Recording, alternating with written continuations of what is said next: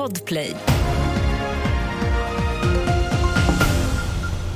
Här är senaste nytt. Två män i 25 och 30-årsåldern har hittats döda i en bil i vattnet i Malmö. Bilen tros ha kört över kajkanten i Industrihamnen igår kväll.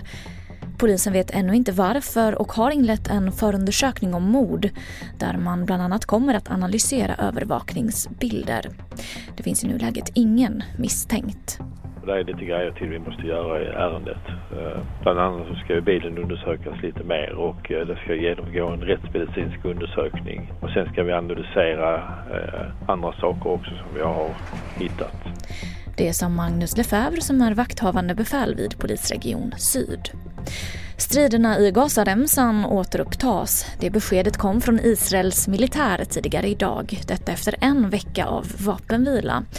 Och redan nu kommer uppgifter om israeliska flyganfall i södra och norra Gaza.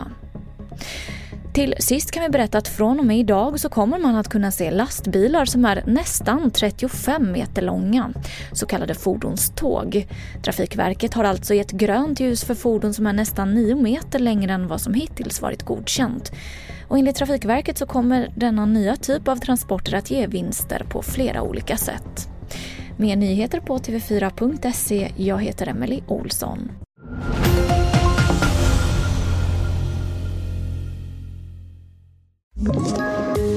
Poddtips från Podplay.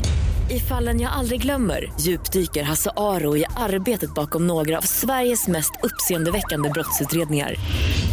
Går vi in med hemlig telefonavlyssning och, och då upplever vi att vi får en total förändring av hans beteende. Vad är det som händer nu? Vem är det som läcker? Och så säger han att jag är kriminell, jag har varit kriminell i hela mitt liv men att mörda ett barn, där går min gräns. Nya säsongen av Fallen jag aldrig glömmer på Podplay.